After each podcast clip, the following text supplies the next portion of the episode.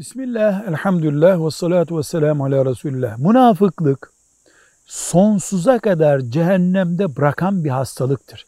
Müslümanın inanç esaslarında, yaptığı işlerde münafıklık olabilir. Önce bu küçük bir hastalık olarak başlar, kanser gibi sonunda mezara düşürür insanı. Bu sebeple münafıklıktan Allah'a sığınmak lazım. Peygamber aleyhisselam zamanında münafıklar biz sana iman ediyoruz diyoruz ama kafirlerle oturup kalkıyorlardı.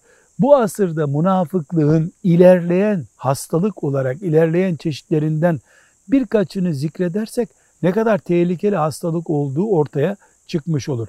Müslümanın dünyaya tenezzül etmediğini, aslında cennet için yaşadığını, Allah'ı, cenneti, peygamberi, Havz-ı Kevser'i istediğini söyleyip dünyaya tapınanlar gibi dünyalık peşinde koşması çağdaş bir münafıklık çeşididir.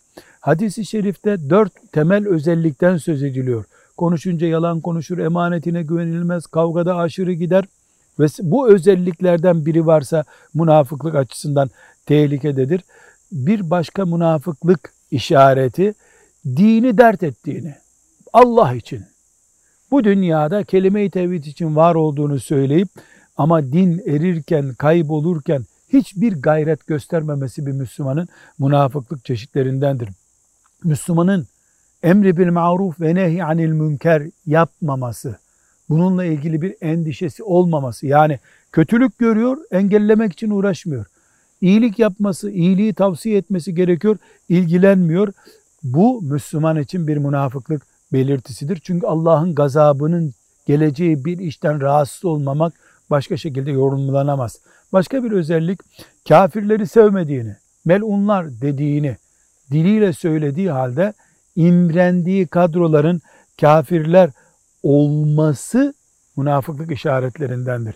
Bir başka özellik de kendisi herkesin merhametine muhtaç. Allah'tan büyük merhametler beklerken hayvana, insana, çocuğuna, arkadaşına merhametsiz davranması münafık alametlerindendir. Herkese Allah rahmet etsin diyor. Herkese Allah cennetine koysun bizi diyor. Ya Rabbi cennetini nasip et diyor. Ama günlük hayatında cennet kazandıracak bir iş görülmüyor. Bu bir münafıklık işareti olabilir. Şüphesiz bunlar hastalık belirtileri. Tahlil yapıldığında bunlar ortaya çıkıyor. Kalpleri Allah bilir ama bizim dikkat etmemiz gereken hassas ölçülerden bunlar. Velhamdülillahi Rabbil Alemin. you.